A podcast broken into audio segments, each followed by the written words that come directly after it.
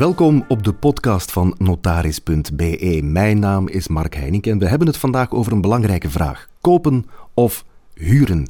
Het blijft een belangrijke topic en ik heb het er vandaag over met notaris Joni Soetaar. Dag Joni, welkom. Dank je, goedemiddag. Ja, kopen of huren, voor sommige mensen is het een vrije keuze, voor anderen dan weer helemaal niet. We horen vaak zeggen van, ik wil zo snel mogelijk iets kopen, want huren dat is toch maar weggesmeten geld. Klopt dat eigenlijk? Vind je dat als notaris een terechte opmerking? Um, het is een terechte opmerking in die zin dat uh, als u huurt, hè, dan um, geeft u geld aan iemand anders. Dat is gewoon, ja, dat is zo. Ja, hè. Uh, je, je geeft u... geld aan iemand die zijn lening afbetaalt. Wat Correct, ja, okay. ja. Als u het zelf aan uw eigen lening afbetaalt, hè, dan spaart u eigenlijk voor iets dat u uh, achteraf zelf zult bezetten. Ja. Dus dat is uh, inderdaad iets heel anders. Um, is het weggesmeten geld? Dat denk ik nu ook weer niet. Om reden, het moet wel allemaal financieel haalbaar zijn. Hè. Dus um, ja. als ik begon te werken, uh, heb ik uiteraard ook eerst gehuurd. Om de eenvoudige ja. reden ja, dat, dat, dat dat niet haalbaar is om nee. onmiddellijk uh, hals over kop een eigendom te kopen. Ja. Um, dus ik denk dat ik uh, drie vier jaar gehuurd heb. Ja, het zal zoiets zijn. Ik ook zoiets. Ja, voilà. En dan hebt u dus, um, ja, als u dan uw budget maakt, dat deed ik wel, dus maandelijks. Hè, keek ik wat verdien ik, wat gaat er naar mijn huur en wat kan ik nog opzij zetten. Ja, maar dat moet je natuurlijk wel doen, want anders ja. kom je natuurlijk geen stap verder. Nee, dat is waar. Maar dat is ook goed voor mensen die flexibel willen zijn. Hè. Mm -hmm. U mhm. hebt mensen die zeggen van, goh, ik weet eigenlijk nog niet waar ik naartoe ga gaan, of ik wil nog een keer naar het buitenland voor mijn werk. Uh, die zaken, dat zijn mensen die inderdaad op dat ogenblik in hun leven niet hoeven te kopen, omdat ze eigenlijk nog niet weten waar wil ik naartoe of waar zie ik mijn leven naartoe gaan. Voor de mensen die wel dat duidelijk doel voor ogen hebben uh, van ik wil dicht bij mijn ouders blijven wonen, hè, die kunnen dan inderdaad wel zo werken met een budget, geld opzij zetten en ja. als het potje daar dan is, op zoek gaan naar uh, die eigen woning. Ja. Kopen is sowieso een investering. Mm -hmm. uh, jouw collega Bart van Opstal, die hebt trouwens ook zelf mee aan dat boek geschreven dat uh, Bart ja. heeft geschreven. Dat heeft als titel Een woning kopen zou niet moeilijk mogen zijn. Juist. Ja, daar zit al heel veel in. Hè? Het, ja. het, het is niet makkelijk, hè? Nee, het is niet makkelijk om verschillende redenen. Hè. U hebt eerst de praktische reden, u moet daar op zoek naar gaan. Het moet binnen uw budget liggen. Het moet iets zijn waar dat je ja, eigenlijk verliefd op wordt, dan moet het... Alleen, want anders als er geen klik is met het pand dat u bezichtigt, gaat u dat ook nooit kopen. Heel belangrijk. Ja, dat is zo. Dus tegen dat u dat hebt, duurt dat wel even een -hmm. tijdje. Ja. Als we zelf op zoek gegaan zijn, allee, we hebben daar toch een jaar over gedaan, heel veel panden bezocht, bekeken, tegen dat u zich echt een beeld kunt vormen over hè, um, wat krijg ik voor mijn geld. Ja. Moet u toch al een paar panden bezocht hebben op de markt, om te kijken, is dat ene niet te duur geprijsd, is, niet te, hè, is er niet te veel werk aan, is het niet dit of is het niet dat. Ja. Dus dat is, dat is het ene, uh, de ene kwestie. Maar dan natuurlijk ja, hebt u de waslijst van administratieve formaliteiten die daarbij komen kijken. Mm -hmm. En dat maakt het dus inderdaad ook niet zo gemakkelijk. Maar daar allee, kan u zich laten bijstaan door een professioneel. Hè, en dan uh, leggen wij uit aan de mensen wat er allemaal bij komt kijken. Ja. ja. Maar de tendens is eigenlijk, kopen is een stabiele renderende investering. Wil dat dan eigenlijk zeggen dat er geen slechte vastgoedinvestering bestaat? Dat zou niet mogen, maar ze bestaat wel. Hè. Ja. Dus uh, dat is zeker dat een zijn de addertjes onder het gras? Ja. Um, we hebben ze gezien bij corona. Ik denk dat er daar wel echt huizen ja, boven een prijs verkocht geweest zijn. Dus ja. is dat een slechte investering? Op termijn, op een hele lange termijn misschien niet. Maar als u dat uh, snel terug zou verkopen, dan gaat u daar toch... Allez, u moet zien dat u toch op zijn minst de prijs terugkrijgt wat u er zelf voor betaald ja. hebt. En dan als tweede heb je ook gewoon de woningen die correct betaald geweest zijn, maar waarvan dat u zegt, bijvoorbeeld, u koopt dat met twee hè, en er zou jammer genoeg een relatiebreuk komen na een jaar of twee jaar. Ja. Als u dan alle kosten optelt dat u gemaakt hebt voor die aankoop, dat voilà. is niet zo eenvoudig om te zeggen, uh, we gaan dat daar zomaar terug allemaal uithalen, mm -hmm. uh, zonder kleerscheuren daaruit komen. Hetzelfde geldt voor een nieuwbouwwoning. Als u een nieuwbouwwoning koopt, en dat zien wij vaak in de praktijk, dan uh, bijvoorbeeld een appartement 300.000 euro en u hebt daar 21% btw op betaald, dan hebt u dus eigenlijk al 363.000 euro ja. op tafel gelegd. Ja. Als u dat binnen de vier à vijf jaar doorverkoopt, dan ben ik niet zeker dat u bij alle panden zomaar kunt zeggen, voilà, nu reken ik mijn prijs en mijn BTW en dat is mijn nieuwe verkoopprijs. Ja. Als u veel geluk hebt, zal u dat halen, maar uh, ik denk mhm. niet dat dat uh, zo'n eenvoudige wiskundige oefening is. Ja. Dat denk ik ook niet. Maar het is een investering en soms mhm. moet je een beetje geluk hebben, denk ik dan. je kan iets kopen in een uh, verloederde buurt die plots helemaal oplevert, opleeft. Maar het kan ook andersom natuurlijk, dat je een huis koopt in een ik zal nu niet zeggen een residentiële wijk, maar mhm. in een toffe, goede wijk, mhm. die dan plots verloedert, dan is je eigendom een pak minder waard. Ja. Dus het is de bluts met de buil een beetje. Het is zeker de bluts met de buil. Um, wat dat we bij jonge mensen zien, allee, Gent is daar zo bijvoorbeeld een mooi voorbeeld van. In Gent waren er een aantal allee, stukken hè, waar dat er inderdaad zo ja, minder uh, geheerd was om te kopen. Ja. En die zie je nu toch wel allemaal terug uh, heropwaarderen. Hè. Ik heb zelf lange Gent gewoond, vandaar dat ik dat goed weet. Uh, en dat zijn meestal jonge kopers die toen toch de stap durven zetten hebben om te zeggen van kijk, wij gaan daar iets kopen. Eén, omdat het betaalbaar is. We gaan dat helemaal opdoen. Maar als al die jonge kopers hetzelfde gedacht hebben, dan kom je eigenlijk terug in een buurt terecht die floreert, die jong is, waar dat bruist en waar dat dan je prijzen uh, ja, ook weer naar vanand naar boven gaan. Ja. De omgekeerde richting zal zeker ook bestaan, maar allee, dat zien we gelukkig wel minder. Hè. Dus uh, u hebt het... Allee, het ligt ook vooral aan uzelf, denk ik. Als uw pand in eigendom of in waarde zakt, als u dat niet onderhoudt, ja, dat, ja, is, natuurlijk dat is natuurlijk wel... Um, of, of we hebben soms mensen die panden twee jaar laten leegstaan. Dat is, dat is dodelijk hè, voor ja. uw eigendom. Dat is echt... Dan, dan zie je de waarde spectaculair uh, achteruit gaan, ja. En je kan misschien wel een groot pand kopen, maar je moet er ook rekening mee houden dat je dat inderdaad moet kunnen blijven onderhouden. Ja, absoluut. Je kan een dure wagen kopen, maar het is niet omdat je hem gekocht hebt dat je hem dat ook nog verder kan onderhouden. Dat is waar. Daar komt nog van alles en nog wat bij kijken.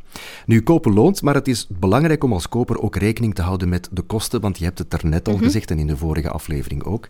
Er komen heel wat kosten nog bij kijken en soms denk ik dat mensen dat over het hoofd zien. Ja. Vandaar dat wij ook altijd communiceren als Allee, notaris, er zijn mensen die denken dat we eigenlijk maar achteraan in dat verhaal op de proppen komen. Hè? Dus ze gaan op de vastgoedmarkt, ze zoeken een huis, dat is vaak met de vastgoedmakelaar, de compromis wordt getekend en dan komen ze eigenlijk naar de notaris. Maar wij horen in dat verhaal eigenlijk in het begin. Ja. Als u op zoek gaat naar een huis, dan maakt u best een afspraak op een notariskantoor. Waarom? Omdat er u dan goed kan uitgelegd worden wat dat er daar allemaal bij komt kijken. Zowel mhm. het administratieve, maar ook het kostenplaatje. Ja. want het is dus zo dat u bovenop uw prijs een uh, belasting moet betalen. Mm Mensen noemen dat de notariskosten. Maar dan zetten ze wel alles onder één noemer. Uiteraard zijn er notariskosten. U zal meneer loon moeten betalen, sowieso.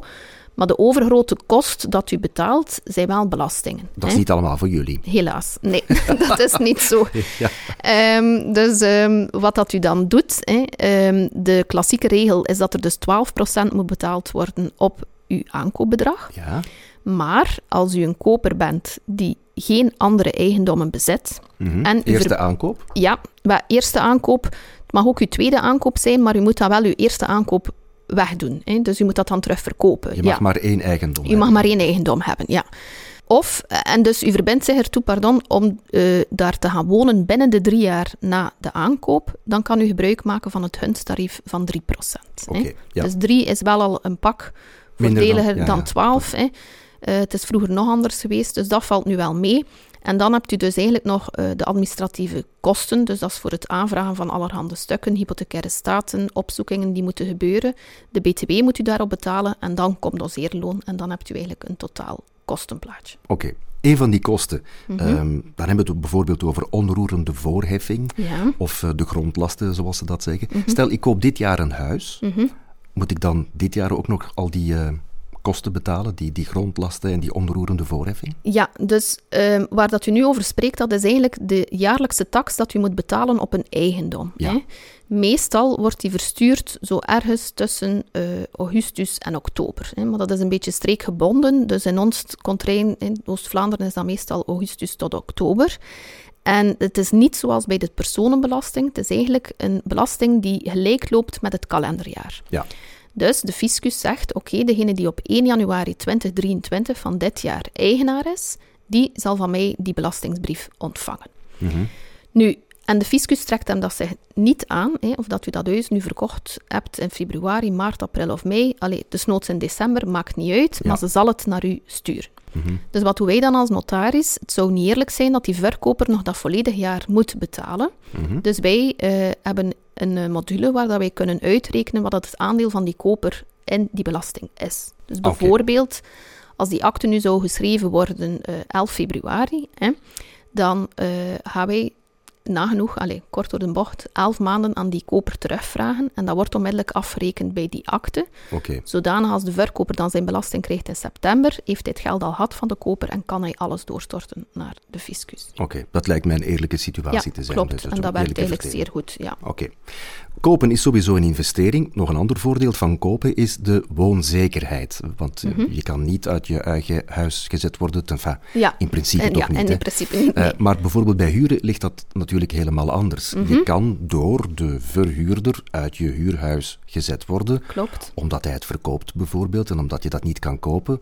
Wel, er zijn daar wel wat regels voor. Het is niet zo simpel om zomaar te zeggen, als het huis verkocht wordt, dan uh, kan ik buiten gezet worden. Dat is eigenlijk niet zo. Als het huis verkocht wordt, dan treedt de koper in de rechten en de plichten van het huurcontract. Hè? Dus het is niet standaard dat dat beëindigd wordt of dat er zomaar kan gezegd worden, die koper moet weg. Mhm. Wat is er wel zo? Als het een koper is die het zou kopen voor eigen gebruik, ja. dan kan hij na de akte die um, huur uh, vrij eenvoudig opzeggen. Hè. Dus dat is met een opzegtermijn, afhankelijk van een oud of een nieuw contract, drie maanden of zes maanden opzeg. Ja. En dan staat u er wel. Maar bijvoorbeeld als u een koper vindt die zegt, ja, ik wil het eigenlijk kopen als een investeringspand, dan blijft u gewoon zitten. Ja, als huurder, de huur kan niet aangepast worden en ze, allee, dan kunnen ze ook eigenlijk niet zomaar eruit zetten. Nee. Een andere mogelijkheid is dat die eigenaar van dat pand dat wil schenken aan een van zijn kinderen. Kan je er dan onmiddellijk uitgezet worden? Dat is eigenlijk dezelfde redenering. Dus ehm, als het kind die het pand krijgt, dus geschonken krijgt, het wil uh, zelf bewonen, dan zal hij inderdaad ook via een vrij korte opzeggingstermijn die huurder kunnen uitzetten. Wil het kind het verder uh, behouden of hebben de ouders het vruchtgebruik voorbehouden bij die schenking, dan beslissen die ouders nog altijd zelf over de verhuurde toestand. Ja. En dan ga je er dus inderdaad niet zomaar uitgezet worden. Oké. Maar vandaar dat we eigenlijk altijd tegen uh, kopers zeggen: neem al eens contact met die huurder en bekijk een keer wat dan die mensen hun plannen zijn. Hè. In sommige gevallen is de huurder zelf al bezig met iets anders te zoeken uh, en wil hij daar eigenlijk vrij snel uit des te beter. Ja. En dan heb je de andere situaties uh, waar dat die mensen daar nog niet van op de hoogte waren. Hè. Uh, en dan kan je samen rond tafel gaan zitten van kijk, gaat u daarmee geraken met uw zes maanden of zou u liever een andere termijn afspreken? Als u praat met elkaar, dan uh, raak je uiteraard altijd een hele stap verder. Okay. Lukt dat niet, ja, dan heb je de wettelijke regels en dan zullen die moeten gerespecteerd worden. Zo is dat. Zeg maar, dus kopen, dat geeft jou een zekere rechtszekerheid. Dan ben je mhm. misschien wat meer op je gemak. Als je huurt, ben je toch altijd een beetje afhankelijk van de goodwill van de verhuurder, zeg maar. Hè? Neem nu bijvoorbeeld tijdens de coronacrisis. Heel wat mhm. mensen werden op tijdelijke werkloosheid gezet en hadden minder inkomsten. Ja, dat is een probleem voor iemand die een hypothecaire lening heeft lopen. Klopt. Um, er werd dan een regeling getroffen of je kon vragen aan je financiële instelling om dat allemaal wat meer te spreiden. Of er werd rekening mee gehouden. Ja. Maar goed, als je huurt, dan hangt dat allemaal af van de goodwill van de verhuurder. Ja. En dat is een zeer moeilijke situatie geweest. Het is dus inderdaad zo dat de eigenaar, dus, uh, die de hypothecaire lening had, onder bepaalde voorwaarden aan zijn bank kon vragen: ik wil de terugbetaling tijdelijk opschorten. Ja. En dan is het natuurlijk, allee, dat voelde minder fair aan dat de eigenaar zijn lening niet meer moest terugbetalen, maar hij vroeg dan wel nog huur aan zijn huurder. Ja. Ja, en dat, dat heeft een beetje tot schrijnende situaties geleid en ook natuurlijk ja, wat kwaad bloed gezet, omdat die huurder zei van ja, allee, waarom moet ik mijn huur nog betalen? Ik zit met hetzelfde probleem, ik heb ook minder inkomsten, ik ben ook op tijdelijke werkloosheid gezet, of erger, ik ben mijn werk kwijt. Um, dus ja, dan ook daar hè, praten. En natuurlijk, ja, menselijk zijn, dat is, ja, voor ons is dat belangrijk, maar dat is niet altijd een evidentie. Hè. Nee. Um, dus het ding is, er zijn daar ook wel huurders hè, mee naar de rechtbanken getrokken. En uh, er is daar geen rechte lijn in te trekken. Dus de ene rechter zei, nee, inderdaad, je bent ook ontslaan van het betalen van je huur. Mhm. En de andere rechtbank zei, nee, nee, u bent daartoe gehouden, contract is contract en u moet verder betalen. Ja. Dus dat was heel moeilijk, ja. Absoluut. Zijn we in Vlaanderen eigenlijk een, een, eh, een land van huurders of van kopers? Wij zijn uh, het land van de kopers, daar ben ik van overtuigd. Ja. Dat is gewoon, ja, dat is iets die zo in ons verankerd zit. Hè. Ze zeggen dat, hè? Ja, ze zeggen dat, maar dat blijkt ook wel zo. Um, het is de minderheid, vind ik, die er zo van uitgaat. Goh, een woning, dat is niet voor mij, ik moet dat eigenlijk niet hebben. Mm -hmm. Maar ze zijn er wel, hè. uiteraard. Hè. Die mensen, eh, zoals ik net al zei, mensen die ja, avontuur, allez, avontuurlijk ingesteld zijn, die graag nog naar het buitenland zouden willen gaan, dat is voor hen veel minder belangrijk, die baksteen in de maag. Maar de overgrote meerderheid van de Belgen is nog altijd opgevoed met het huis is belangrijk, want dat is uw investering voor later, uw appeltje voor de dorst. Ja, dus ja. wij zijn wel echt een land van kopen, ja. ja. In Nederland is dat eigenlijk helemaal anders. Hè. Daar is de huurdersmarkt veel groter. Ja. Uh, zijn die dan minder honkvast, die Nederlanders? ik kan dat moeilijk uitleggen waar dat, Ja. dat ligt. In zo grote centrumsteden, bijvoorbeeld, ja, moest u naar Londen gaan, is dat overduidelijk waarom dat, dat ehm, zo belangrijk is. Eh, Allee, waarom dat er daar zoveel gehuurd wordt, dat heeft uiteraard te maken met de prijs. hè. Het is Ja. onbetaalbaar om op zo'n markt iets te kopen. Maar dat is in Nederland ook al zo. Dat dat zo duur is, ja, dat is ook minder, dat weet ik eigenlijk minder of dat, dat daar zo duur is. In de centrumsteden zal dat zeker zo zijn. Maar goed, ja, wij zijn daar niet mee opgevoed. Dus bij ons is dat eh, kopen, Ja. kopen en toch Ja, in- zelf kopen, ja. Ik weet uit eigen ervaring niet dat ik Mhm. eh, eigendom heb in Nee. Nederland, maar mijn, eh, mijn, ik heb een stuk van mijn familie die woont in Ja? Nederland. En als zij dan vragen van, wat heb jij voor dit huis in Antwerpen hier Ja? eh, betaald? Ja, die vallen daar plat van achterover van, oh, dat kunnen wij voor dat bedrag nooit kopen. Echt? Dat is, ja, dat, is, eh, Ah. dat gaat in de ja, 600.000, 700.000 euro voor een gewoon rijtjeshuis. Nou ja, dan heb je je verklaring. Hè. Dan Ja. is hetzelfde zoals in, eh, in Londen. Als, als de vastgoedmarkt onbetaalbaar wordt, dan groeit automatisch je huurmarkt. Hè. Dat is gewoon de evidentie. Dat is weer vraag en aanbod die Ja. speelt. Zou dat bij ons ook zo ver kunnen escaleren, zal ik dat maar zeggen? Alles kan. Hè. We zitten nu in die, ja, in die economische terugval. Maar allee, ik denk dat wij nog altijd de mentaliteit hebben, als het kan, ehm, dat, dat er gekocht zal worden. Hè. Ook ouders, eh, niet iedereen kan dat, dat is, dat is waar, maar wij zien toch ook veel ouders die nu al mee beginnen sparen eigenlijk om later hun kinderen een duwtje in de rug te geven, omdat ze weten van het zal moeilijker worden en het zal duurder worden, dus gaan wij ook al mee opzij zetten waar Ja. dat het kan, hè, om, ehm, om daar inderdaad eh, ja, mee te helpen. Ja, maar dan is de vraag die iedereen voor zichzelf moet stellen van, Serieus. is het dat allemaal waard? Dat Al die inspanningen, Ja. moeten we dat blijven doen? Dat is, dat is een zeer terechte vraag, maar dat is een vraag die iedereen voor zichzelf moet stellen, Ja, uiteraard. Ja, vind je dat belangrijk? Wat is voor u belangrijk in het leven? Ehm, wil je die eigendom, wil je die hangvastheid en wil je dat, die, die buffer en die garantie dat er een dak boven uw hoofd is die van uzelf is en waar dat u allee, geen verantwoording moet voor afleggen? Of heb je zoiets van, ja, nee, voor mij is dat veel minder belangrijk en ik ben tevreden eh, als ik morgen een keer moet verhuizen omdat mijn verkoper het pand verkoopt, Ja. geen probleem Mhm. dan is dat zo. Maar dat zijn dingen die je uiteraard voor jezelf moet beslissen. Ja. Maar dat wil dus wel niet zeggen dat die huurmarkt onbelangrijk is. Nee, absoluut niet. Maar misschien is het van huis uit dat we daarin ja, min of meer geduwd worden. We zijn er allemaal mee opgegroeid. Misschien vinden we wel dat dat van ons verwacht wordt, dat we iets kopen. Maar dat hoeft helemaal niet. Hè? Dat hoeft zeker niet. Er zijn twee vragen. We hebben die eigenlijk al aangehaald. Dus de eerste is, één, is het financieel mogelijk? Dat blijft altijd de belangrijkste vraag bij het kopen. Ja, Is het niet mogelijk financieel? Dan gaan we gewoon huren. Hè? Dus die huurmarkt moet ook absoluut betaalbaar blijven voor de groep die nog niet in staat is of gewoon überhaupt niet wil kopen. niet wil. Ja, Ja. dat wou ik net zeggen. Dat is ook belangrijk, hè? want het is niet omdat je budget hebt Absoluut dat je niet. iets moet kopen. Dat is geen verplichting. Hè? Nee, nee, tuurlijk niet. Ik heb het daarnet ook al gezegd. Als je avontuurlijker aangelegd Ja. bent en u bent totaal niet honkvast en u wil niet vastgekluisterd zitten aan dat ene vastgoed, Mhm. dan is kopen voor u niet weggelegd of nu niet weggelegd. Hè, en dan begint u met te huren. Want het is in de podcast ook al aan, aan, aan bod gekomen. Als u iets koopt en u zou dat binnen afzienbare tijd terug doorverkopen, dan ben ik daar niet van overtuigd dat dat de beste investering zal geweest zijn. U moet zorgen dat u op dat moment uw kosten kunt recupereren, uh, alles dat u daarin geïnvesteerd hebt. En dat is niet zomaar een evenwichtige oefening van ik tel mijn prijs en al mijn kosten op en dat is mijn nieuwe vraagprijs. Ja, ja. Dat gaat niet. Zo eenvoudig is het helaas niet. Wat dat er soms ook over het hoofd gezien wordt, is als u vastgoed koopt, dan bent u daar wel verantwoordelijk voor in de zin dat u, als er kosten komen, kosten waar dat u niet of geen rekening mee gehouden had, dat u die er ook wel nog moet bijnemen. Absoluut. Als u huurt, hebt u gewoon uw huurderskosten. Hè. Uh, maar voor de grove herstellingen, de grote werken, een dakdilect, ja. uh, een gevelrenovatie, dat is wel voor de verhuurder en dat is ook niet onbelangrijk om uh, mee te nemen wanneer dat u die beslissing neemt. Als huurder en het dak lekt, dan bel je de huisbaas bij wijze van spreken en in het andere geval moet je jezelf bellen. Ja, Het wordt iets moeilijker, maar dan moet je het zelf betalen Klopt, natuurlijk. Voilà. Ja, het zijn toch altijd zaken die je ja moet afwegen tegenover Absoluut, elkaar. ja.